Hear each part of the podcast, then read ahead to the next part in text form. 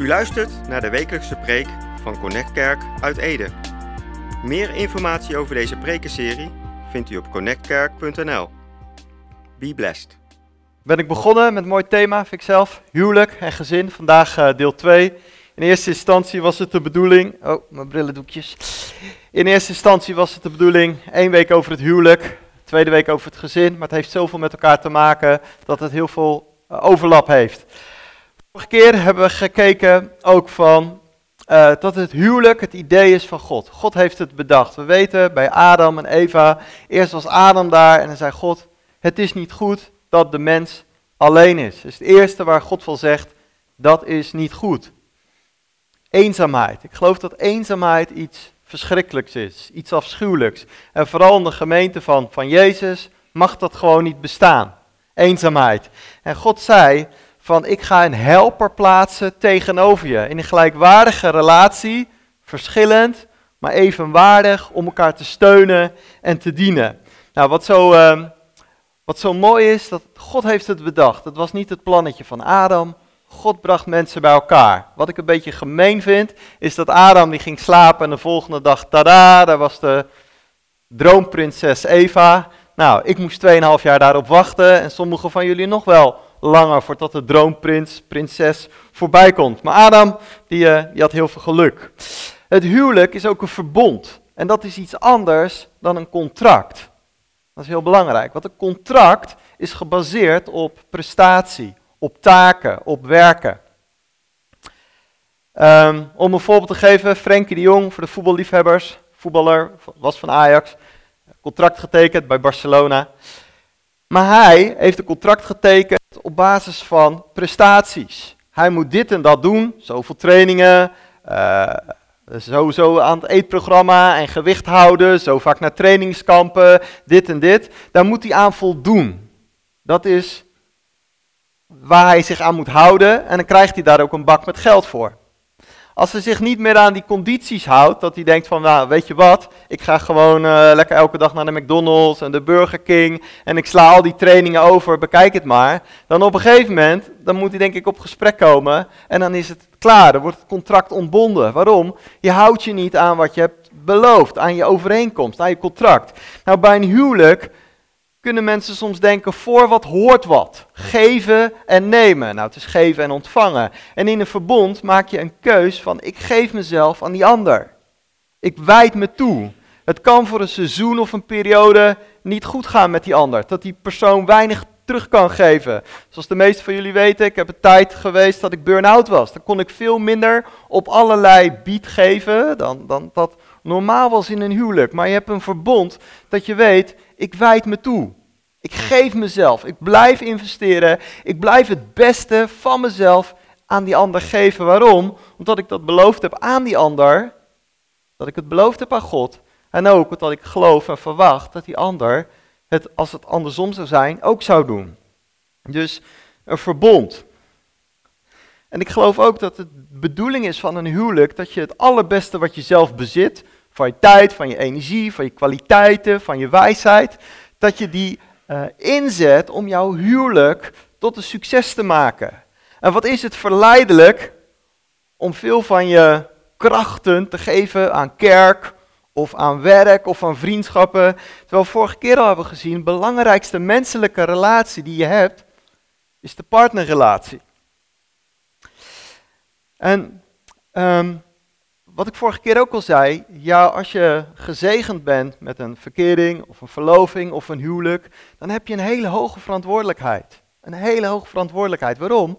Omdat je daarin iets mag laten zien van Jezus en zijn gemeente. Het is een reflectie, een schilderij, als het goed is, van Jezus en de gemeente. Uh, zoals sommigen van jullie weten, Alfons die kan heel goed schilderen, heel mooi. Hij heeft een keertje een, uh, schilderij gemaakt van een hele mooie leeuw, die hangt bij mij op kantoor, super mooi. En als je dat ziet, het, het is natuurlijk geen leeuw, maar als je ernaar kijkt, dan lijkt het er wel heel erg op. Dat je denkt, wauw, echt sprekend, knap, mooi, geweldig gedaan. Nou, zo is het ook bedoeld in de partnerrelatie. Dat als gelovigen of ongelovigen naar jouw relatie kijken en ze zien dat, dat ze zeggen van, wow, wat bijzonder, wat mooi, wat een echtheid, wat een schoonheid, wat een openheid, wat een eerlijkheid, wat een toewijding, wat een opofferingsgezindheid. Waarom? omdat het er iets laat zien van Jezus en de gemeente. En ehm, ehm, je kunt soms denk ik ook het huwelijk romantiseren. Dat je denkt van het is altijd makkelijk, een roze wolk, geweldig. Nou, huwelijk is ook investeren. Het is ook pittig, het is botsen, het is slijpen, het is uitpraten, het is geconfronteerd worden met jezelf. Ben ik de enige die, dat, uh, die er tegenaan loopt? Ja, ik ben de enige. Bedankt, bedankt. Ik voel me niet alleen. Heer helpt. Wat ik heel grappig vond, een christelijke psycholoog zei een keertje van eigenlijk is het best wel raar als je op een afstandje kijkt dat twee onvolmaakte mensen met gebrokenheid, met tekortkomingen beloven dat ene leven wat ik heb, deel ik met jou en geef ik totaal aan jou. Eigenlijk, als je het rationeel bekijkt, is dat best een grote, bijzondere stap. En ze zegt, daarom heeft God ook dat stofje verliefdheid gegeven, zodat we even niet zo rationeel een paar maanden of kunnen nadenken, anders zouden we die stap nooit misschien doen. Maar door die verliefdheid zie je vooral het positieve, het mooie, het roosachtige, en dan jump je in het huwelijk. En dan kom je erachter van, het is een zoektocht om in elkaars nabijheid te leven, om intiem te zijn. Want dat is wat God bedoelde, om heel intiem te zijn met elkaar. Ehm, ik wil een, eh, een, tekst laten zien uit het, uh, uit het Bijbelboek Malachi. Even de context, wel belangrijk. En het is in een periode dat God zich lijkt terug te trekken uit, uit uh, de relatie die hij heeft met Israël. De mensen van Israël, zijn volk, merken weinig van God. Ze doen hun best, ze doen hun activiteiten. Je zou zeggen, ze gaan elke zondag naar de kerk en naar de gebedsavonden, maar er gebeurt weinig. En dan deze tekst. En dan zegt God, jullie storten hete tranen op het altaar van de Heer. Jullie jammeren en kreunen, omdat Hij, God, niet meer naar je offers omziet en ze niet uit jullie handen aanvaardt. En jullie vragen je af, waarom toch? Omdat je de vrouw met wie je leven, je leven deelde, trouweloos behandeld hebt. De vrouw met wie je in je jeugd een verbintenis bent aangegaan, waarvan de Heere getuige is geweest. Dan de volgende in het Engels. She is thy companion and the wife of thy covenant.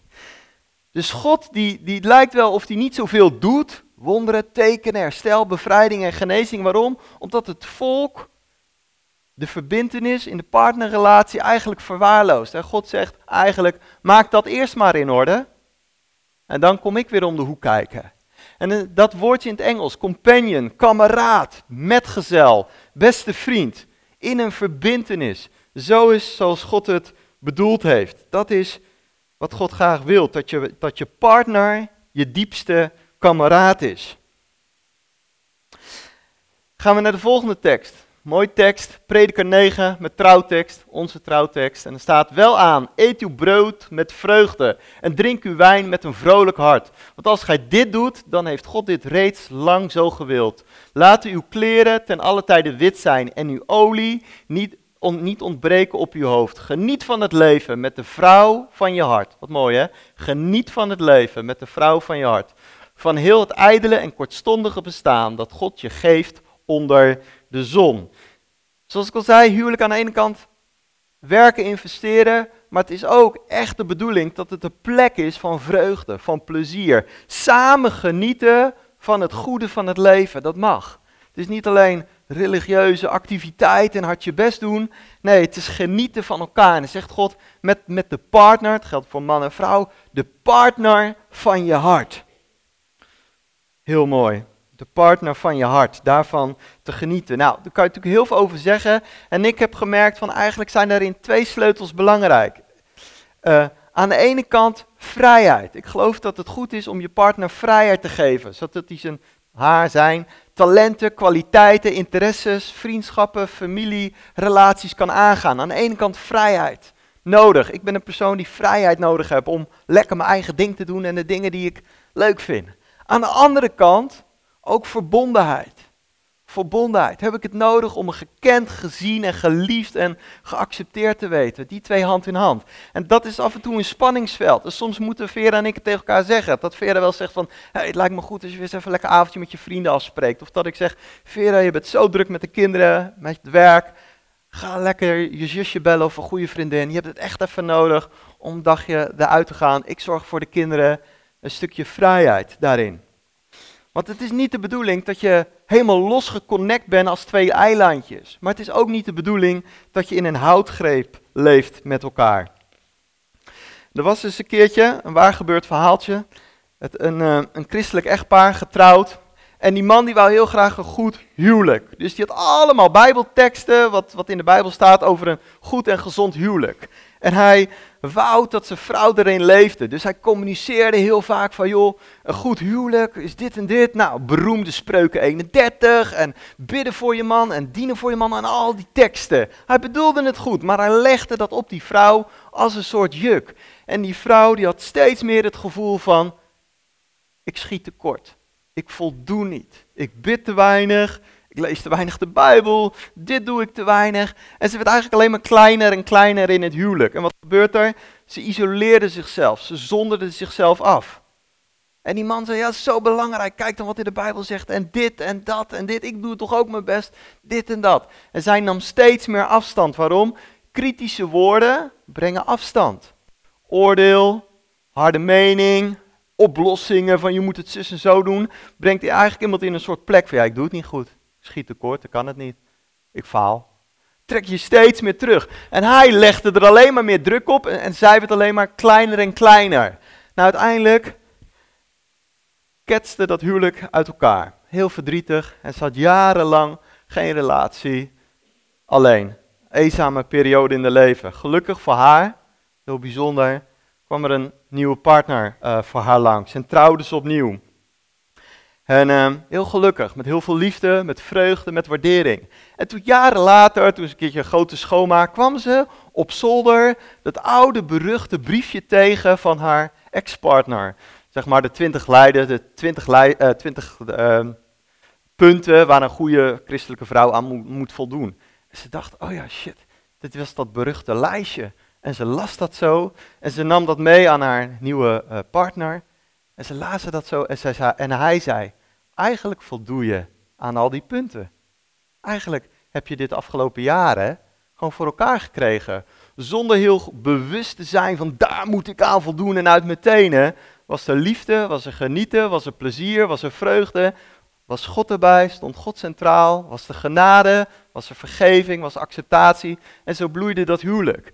Nou, een fantastisch beeld natuurlijk van hoe je door elkaar te zoeken en niet elkaar een juk op te leggen, het beste naar elkaar, uit elkaar kan halen.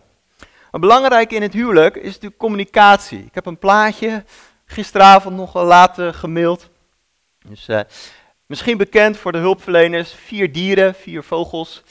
En typeert eigenlijk vier valse manieren van communicatie. Of vier foute, ongezonde manieren die ik, ik geef eerlijk toe, ook wel eens nog steeds gebruik naar mijn kinderen per ongeluk. Of naar mijn vrouw of op mijn werk. Of binnen de uh, groepen waar ik mee bezig ben met connectgroepen. Dus vier, vier patronen die eigenlijk ongezond zijn in relaties. Dus doe je voordeel mee, ook in het werk of in de kerk. De eerste is de duif.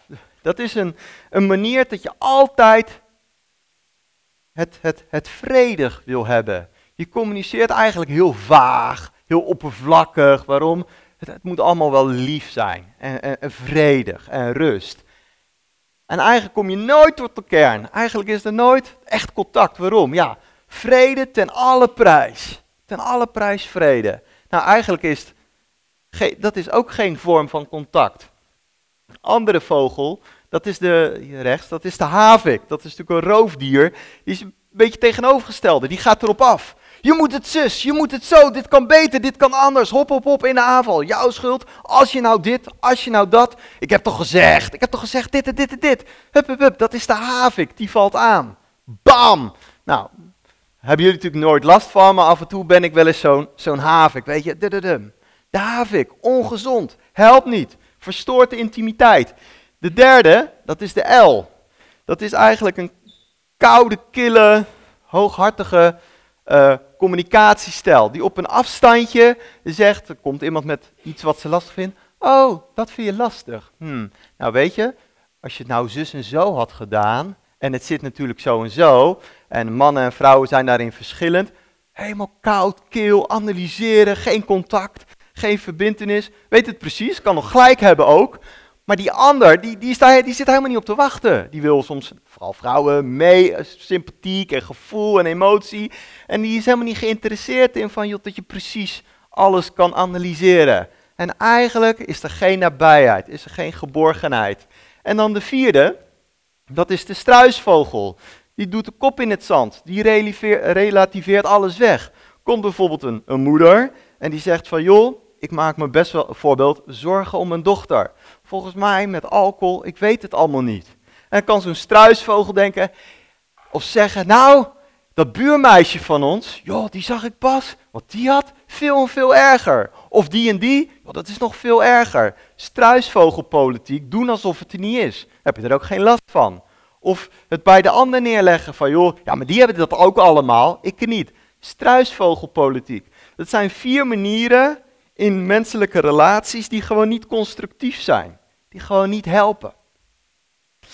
En uh, ik loop alweer uit met tijd, zie ik. Even een zijvakje um, over, over uh, leiderschap. In uh, eh, 1 Timotheus 3 vers 2, dat kan ik hem laten zien. Ik ga het niet helemaal voorlezen, maar staat het volgende. Als iemand een leider is, en het gaat over een toezichthouder in de gemeente, maar volgens mij kan je het plaatsen op iedereen die een vorm van leiderschap heeft. En wat ik blij ben in deze gemeente, dat er heel veel mensen zijn die een stuk leiding nemen. Aanbiddingsleider, kinderleiders, tienerleiders, het welkomsteam, media, geluid, stoelen klaarzetten, is allemaal een stukje van leiding. Een stukje verantwoordelijkheid dragen, een stukje invloed uit, uitoefenen. En dan zegt God van, wat, wat als je nou een leider wil zijn, je wil invloed hebben, en ik geloof dat hier ook mensen zijn die geroepen zijn voor leiderschap. Ik was deze week aan het bidden voor, voor deze dienst. Toen had ik ook echt het idee dat God zei, een aantal van, van, van, mensen hier, die zijn geroepen om in de komende jaren echt te groeien in leiderschap. Je weet van binnen, ik wil iemand zijn met verantwoordelijkheid. Ik ben geroepen voor leiderschap. En ik heb het idee dat God zegt, maak je klaar in die voorbereidende fase om meer leiderschap uh, te ontwikkelen. Want je bent geroepen om een leider te zijn. En dan zegt God van, als je een leider wil zijn, verantwoordelijkheid, invloed, waaraan moet je voldoen? En dan zegt hij niet dat je keihard in tongen moet bidden, of profetisch moet zijn, of wonderen en tekenen moet hebben. Allemaal goed, ik ben helemaal voor. Maar dan zegt hij, dan mag je even naar de volgende, van wat hij moet zijn eigen gezin goed weten te leiden en op een waardige manier, gezag kunnen uitoefenen over zijn kinderen. Want als iemand zijn eigen gezin niet weet te leiden, hoe kan hij zorg dragen voor de gemeente van God? En dit is niet een stok. Dit is niet een ding om te mappen. Dit laat iets zien van het hart van God. Dat God zegt, ik vind de kerk heel belangrijk. Heel veel brieven, Paulus, Petrus, gaan over de kerk. Maar de kern daarvan is het gezin. Een gezond gezinsleven. Zorg dat je dat op orde hebt. Je kunt van alles doen, hoog positie, dingen in de kerk. Maar als je gezin niet op orde hebt, waar ben je mee bezig? Zorg dat je familie, leven, dat, dat, dat het ontwikkeld is, dat het gezond is. En God wil wijsheid en kracht en energie vrijzetten. Het is ook vaak dat daar de duivel probeert een, een vinger tussen de deur te krijgen. En we hebben elkaar daarin nodig. Je kan zeggen, heel snel analyseren van ja, maar ja, als die door een moeilijke fase gaat, ja, dat is ook zus en zo. Terwijl God zegt, bid voor die mensen, zegen ze. Want het is ook een gebied waar de duivel probeert aan te vallen. En dit is daarom heel belangrijk. Dat, je, dat, dat de Heilige Geest leiding mag hebben in je gezin, in je huwelijk.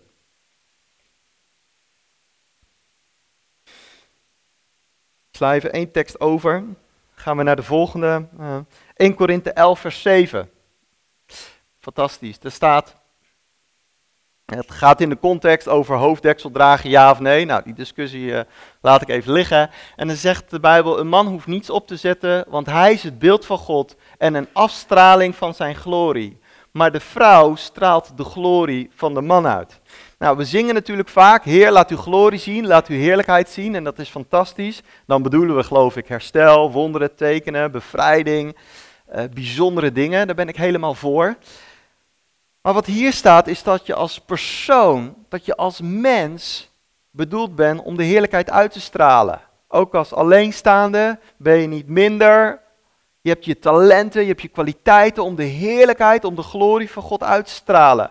Paulus die zegt over alleenstaand van ik wou dat iedereen zo was, omdat je dan zoveel de heerlijkheid van God kan uitstralen, dat je misschien extra tijd hebt om de, de, de heerlijkheid van God te laten zien. En hier staat van dat de man de vrouw mag dienen, mag helpen om de heerlijkheid van, van, van, van door, door die relatie uit te stralen, door zijn vrouw heen. Om een verhaaltje uh, te, te vertellen, om het wat concreter te maken. Er was een keertje een fantastische bijbelleraar. Die had een gesprek met een andere leraar en die zei, joh, ken je die en die persoon? Het is echt een fantastische man van God krachtig, bijzonder, heel veel inzichten. Die moet je eens uitnodigen op een conferentie. Die moet je eens een keertje zorgen dat hij in een boek van je schrijft. Geweldig, dat is een fantastische man van God. En toen zei die bijbelleraar, ah, dat weet ik helemaal niet of die een fantastische man van God is. Geen idee. Ik heb zijn vrouw nog niet ontmoet. Dus ja, hij kan op het podium leuk zijn.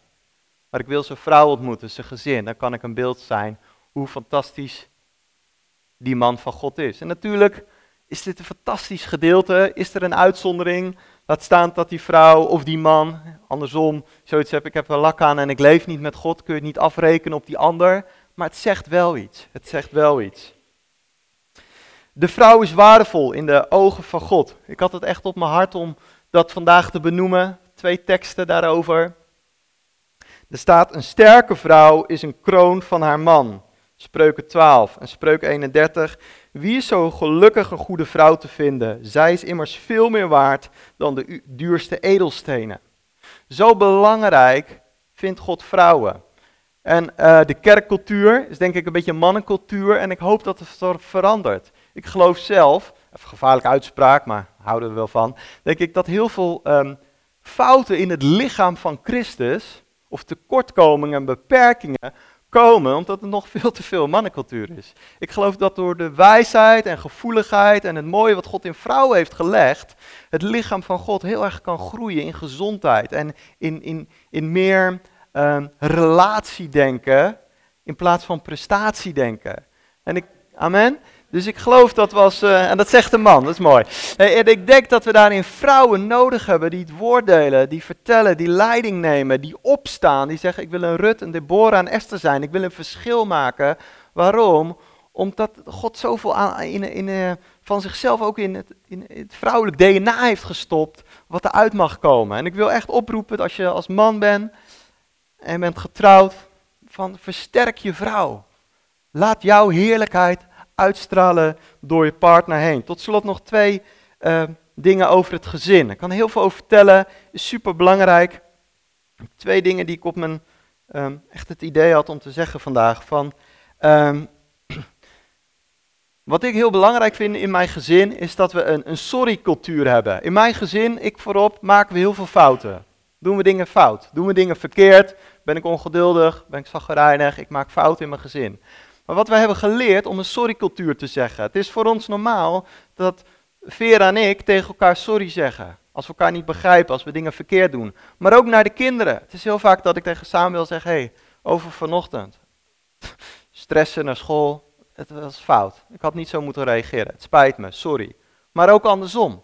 Dat we de kinderen leren naar elkaar. Hé, hey, Mirte, dat deed je niet zo handig. Wil je sorry zeggen tegen Samuel en ook andersom. Maar ook uitleggen waarom. Niet sorry, sorry. Nee, wat gebeurde er? Wat deelt het met de ander? Dat daar connectie is. Een sorry-cultuur. En weet je wat het ook schept? Het schept transparantie, het schept veiligheid en nederigheid. Het kost een stukje nederigheid om te zeggen: sorry, het was fout, het was verkeerd. En ook dan schep je nederigheid en transparantie, maar ook openheid in het gezin. En ik geloof dat is wat God zoekt. Gezinnen waar openheid is, waar veiligheid is, waar je kan lachen over elkaars fouten. En ondanks elkaars fouten, tekortkomingen, er waardering en gejuich over elkaar blijft. Tweede is, uh, wat we heel belangrijk vinden in ons gezin, is een zegencultuur. Het kan natuurlijk op allerlei manieren om je kind, maar ook je partner te zegenen. En zegenen is het goede van God, de bedoelingen van God, uit te zegenen over je kinderen. Heel belangrijk. Ik ben meer van het spontane. Als Samuel naar school gaat of naar tafeltennis of iets anders. Hé hey Samuel, ik zegen je. Ga ervan genieten. En God is met je. En het gaat tof worden. Zegenen. Elkaar aankijken. knuffel, ik zegen je. Kinderfeestje, je bent fantastisch. Je bent mijn zoon, je bent mijn kanjer. Mirte, er is geen mooier meisje dan jij. Je bent mijn mooiste dochter. Ik heb er maar één. Je bent de allermooiste. Weet je, zegenen. Elkaar zegenen. Maar ook heel bewust bij het slapen gaan. Ehm, eh, nou, we zongen natuurlijk vroeger toen ze wat kleiner waren al die bekende christelijke liedjes. En op een gegeven moment vonden ze die saai. En toen had vooral Vera zoiets van, hé, hey, wat gaan we nu doen? En die heeft voor Mirte en voor Samuel een heel mooi liedje gemaakt. Een zegenliedje. Dat zingen ze elke avond. Een liedje die toegepast is op hun, met allemaal mooie bijbeltekst, op hun relatie met God, op hun karakter, op hun leven. Eentje voor Mirte, eentje voor Sam. Iets wat bij hun past, iets wat bijblijft, iets wat persoonlijk is. Dat is echt niet een, uh, een mega nummer of zo, maar ik wil je aanmoedigen. Leuk om te doen. Maak een liedje voor je, voor je kind, om te zegenen, om die af en toe heel persoonlijk te zingen en uit te spreken, die bijblijft. En uh, uh, even reclame tussendoor. Ongeveer een half jaar geleden las ik dit boekje. Ouders, zegen je kinderen. Uitgever is een kennis van mij, maar dat weet hij niet. Maar heel mooi boekje. Dus als je in de vakantie nog wat wil lezen, lekker eh, onder de, onder de boom. Een heel mooi boekje. Ouders, hoe kun je kinderen zegenen? En het belang en de kracht van elkaar zegenen. Laatste Bijbeltekst, dan rond ik het af.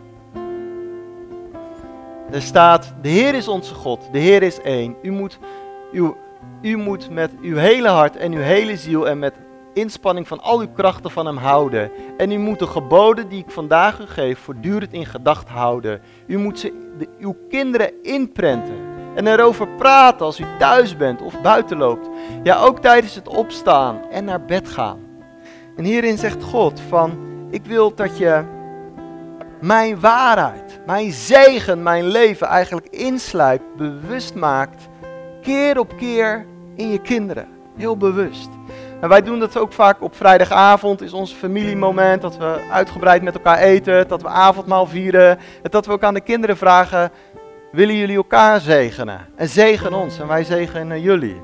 En soms zijn we binnen vijf minuten klaar en soms duurt het een half uur. Dan gaan we nog wat leuke liedjes zingen. Maar bewust van, hé hey, Mirte, noem eens één positief dingetje over Samuel. En andersom. Noem eens een paar punten waar je dankbaar over bent. Wat heeft God vandaag gedaan? Of deze week. Met elkaar heel bewust als gezin elkaar zegenen en God vieren. En soms ook dingen uitspreken. Zodat je met elkaar verbonden bent. Er zit heel veel zegen in. Er zit heel veel zegen in om tijd te nemen om elkaar te zegenen. Laatste verhaaltje en dan rond ik af.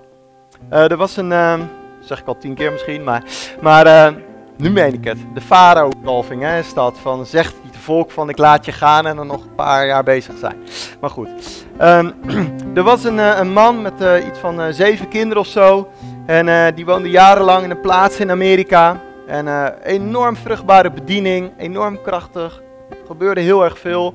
En op een gegeven moment begon God te spreken van een hele grote verandering. Andere kant van het land, andere bediening, totaal anders.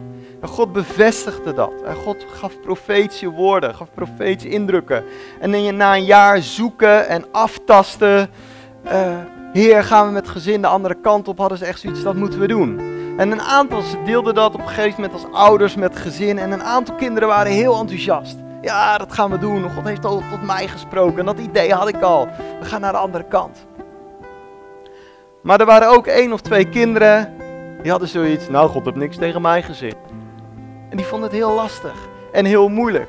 En die ouders die voelden zich heel verantwoordelijk. Ja, willen als hele gezin in missie. Willen als hele gezin die andere stap maken. En zij bidden, zij vasten, zij vragen anderen voor profetische woorden. Maar één, twee kinderen hadden echt zoiets. Ja, ik weet het niet. Maar die twee Ouders hadden echt zoiets, we hebben echt het idee dat God het zegt. Echt. En op een gegeven moment was er een deadline en moest er gekozen worden. Uh, merendeel van de kinderen was positief, maar één, twee hadden echt zoiets, we willen niet. God heeft niks tegen ons gezegd.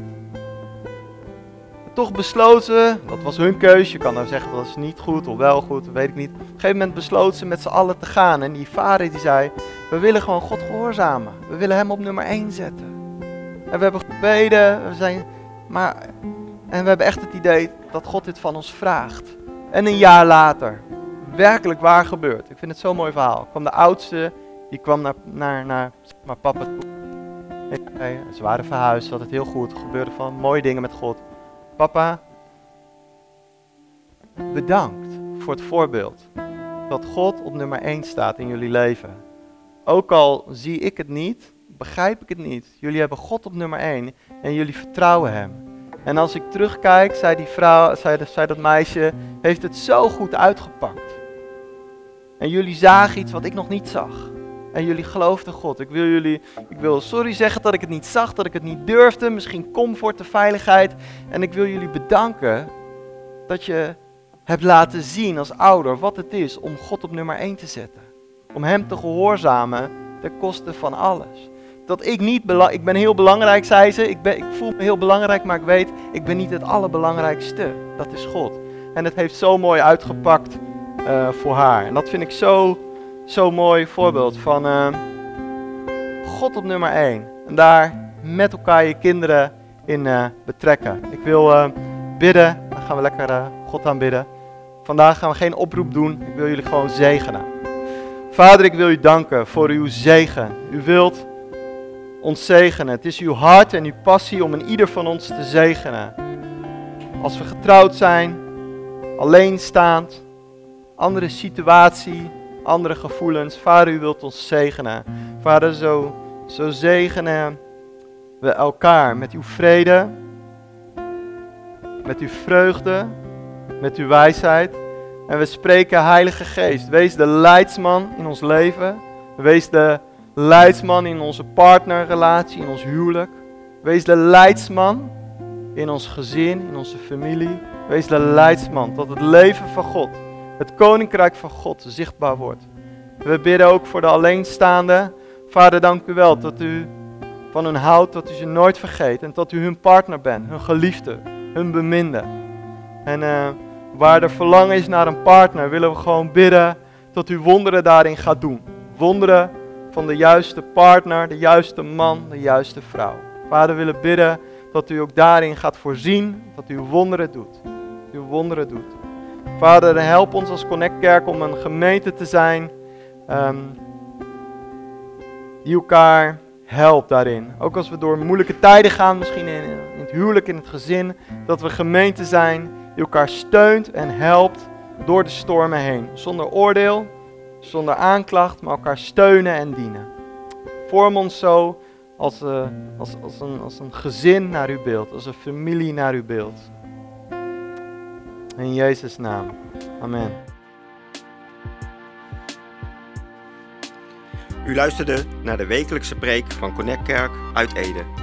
Meer informatie over deze gemeente en alle preken over dit thema vindt u op connectkerk.nl of bezoek onze Facebookpagina. Bedankt voor het luisteren en wees tot zegen.